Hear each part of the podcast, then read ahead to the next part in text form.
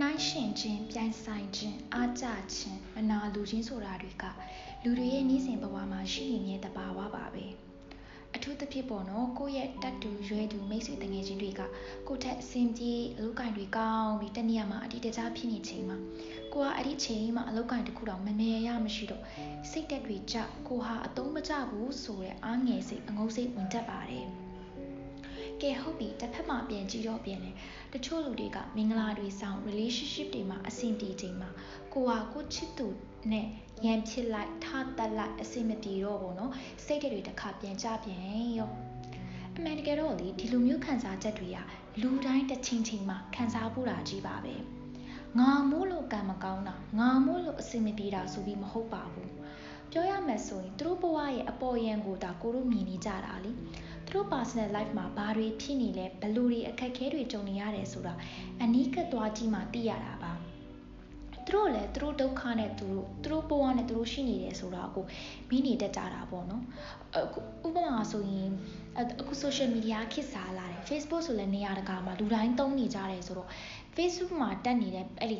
picture တွေအဲ့ဒီတပုံတွေဝယ်ကြည့်ပြီးအော်သူတို့ဘဝตายရလိုက်တာဆိုကိုကိုကိုစိတ်တက်ကြတာပဲရှိပါတယ်ကိုနဲ့နှိုင်းရှင်ပြီးတော့လေ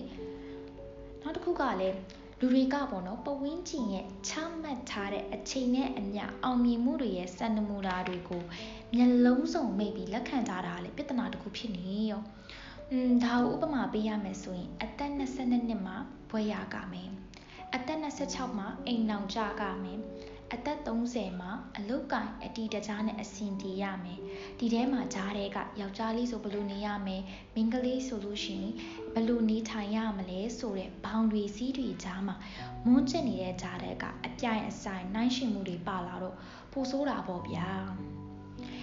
အဲ့တော့ကိုစိတ်တက်ကြနေတဲ့အဲ့ဒီယောဂကိုလည်းအစာကျွေးတယ်လို့ဖြစ်သွားတာပေါ့နော် တကယ်တော့လေအမှန်တော့အမှန်တကယ်မှာတော့လူတိုင်းဟာသူ့ဘဝနဲ့သူပါပဲသူ့အချိန်နဲ့သူရှိကြပါတယ်သူများတွေလိုအစင်မပြေလို့ကိုဘာမှမဖြစ်ဘူးလို့မထင်ပါနဲ့ကိုဘဝကိုကိုအချိန်နေကိုအချိန်ခါရောက်သွားရင်အဆင်ပြေသွားမှာပါ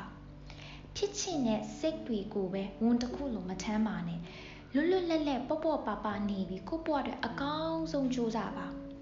ပြီးတော့လေအခုအခုပြောမယ်ဆိုလို့ရှိရင်ပေါ့နော်မမြင်ရတဲ့တဘာဝဘေးအန်ဒီရဲ့မထင်ထားခဲ့တဲ့နိုင်ငံရေးအခြေအနေတွေတကြောင်ကိုပလန်နေကိုပလန်လုပ်ထားတဲ့ဟာတွေအိမ်မက်တွေကကြမ်းကြာနောင်နေသွားမယ်ဆိုရင်လေ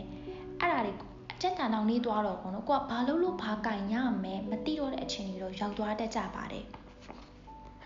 အဲ့ဒါနဲ့စိတ်ပြက်ပြီးဘာမှမလုပ်မလဲတော့မနေနိုင်ရပါနဲ့ကိုဘာမှမလုပ်ရင်ဘာမှမရပါဘူးအဲ့ဒီတိုင်းမှာကိုတကယ်စူးစမ်းခဲ့တာတွေရှိရင်အဲ့ဒါတွေအကုန်လုံးအလဟတမဖြစ်သွားပါဘူး